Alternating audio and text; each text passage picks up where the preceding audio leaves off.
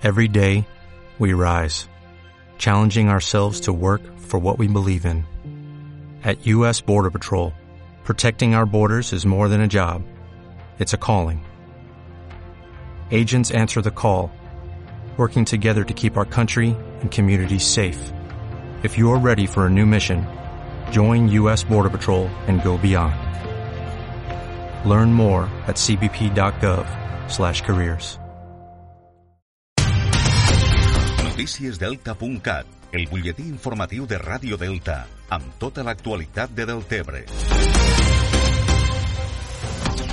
El ple de l'Ajuntament de Deltebre va donar a nit el vistiplau a l'aprovació provisional del Pla d'Ordenació Urbanística Municipal que dota el municipi d'un nou reglament urbanístic que deixa enrere les normes subsidiàries del 1995 i que projecta el creixement urbanístic del municipi per als pròxims 20 anys. El nou POM projecta un creixement de fins a 4.000 nous habitatges, el que permetria, durant la vigència del pla, un increment de la població de fins a 10.000 habitants si s'acabés desenvolupant totes les construccions previstes. A més, s'incrementa un 40% la superfície d'equipaments i un 162% la superfície de zones verdes respecte a l'actual normativa urbanística.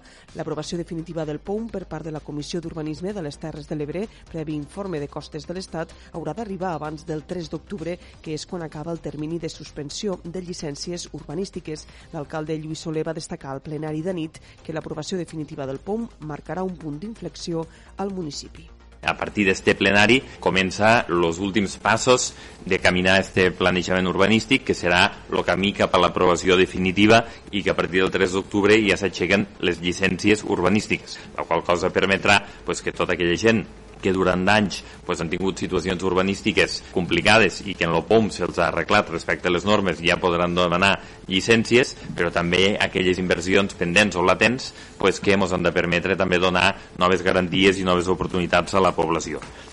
El nou planejament, tal com va anunciar l'alcalde Lluís Soler, aposta pel microurbanisme per a resoldre els obstacles urbanístics actuals, ajustant vials, respectant construccions i millorant els paràmetres urbanístics. A més, manté la identitat del municipi amb un model de creixement sostenible que evita les grans construccions i aposta per omplir els buits urbanístics que encara hi ha a l'interior del nucli urbà a partir del model de casa i jardí i s'introdueix la tipologia constructiva de casa-pati. El document ha incorporat un 80% de les al·legacions presentades per la ciutadania, prop de 400 projectes. Els grups de l'oposició van abstenir-se en la votació, creuen que els ha fet falta informació i lamenten que no hagi hagut més participació i diàleg. Escoltem per este ordre el portaveu del PSC, Aleix Ferrer, i el d'Esquerra Republicana, Joan Alginet.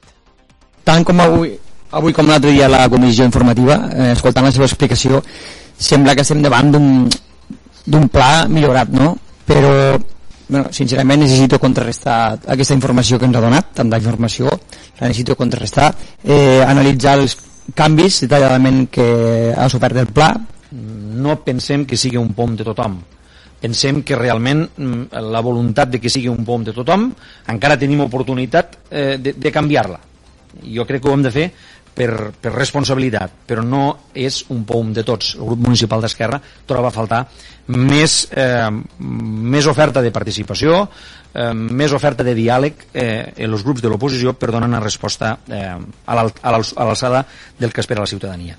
Esquerra Republicana i el PSC esperaven poder donar el vot afirmatiu a l'aprovació definitiva del POUM, però l'alcalde els va recordar que este tràmit correspon a la Comissió d'Urbanisme de les Terres de l'Ebre.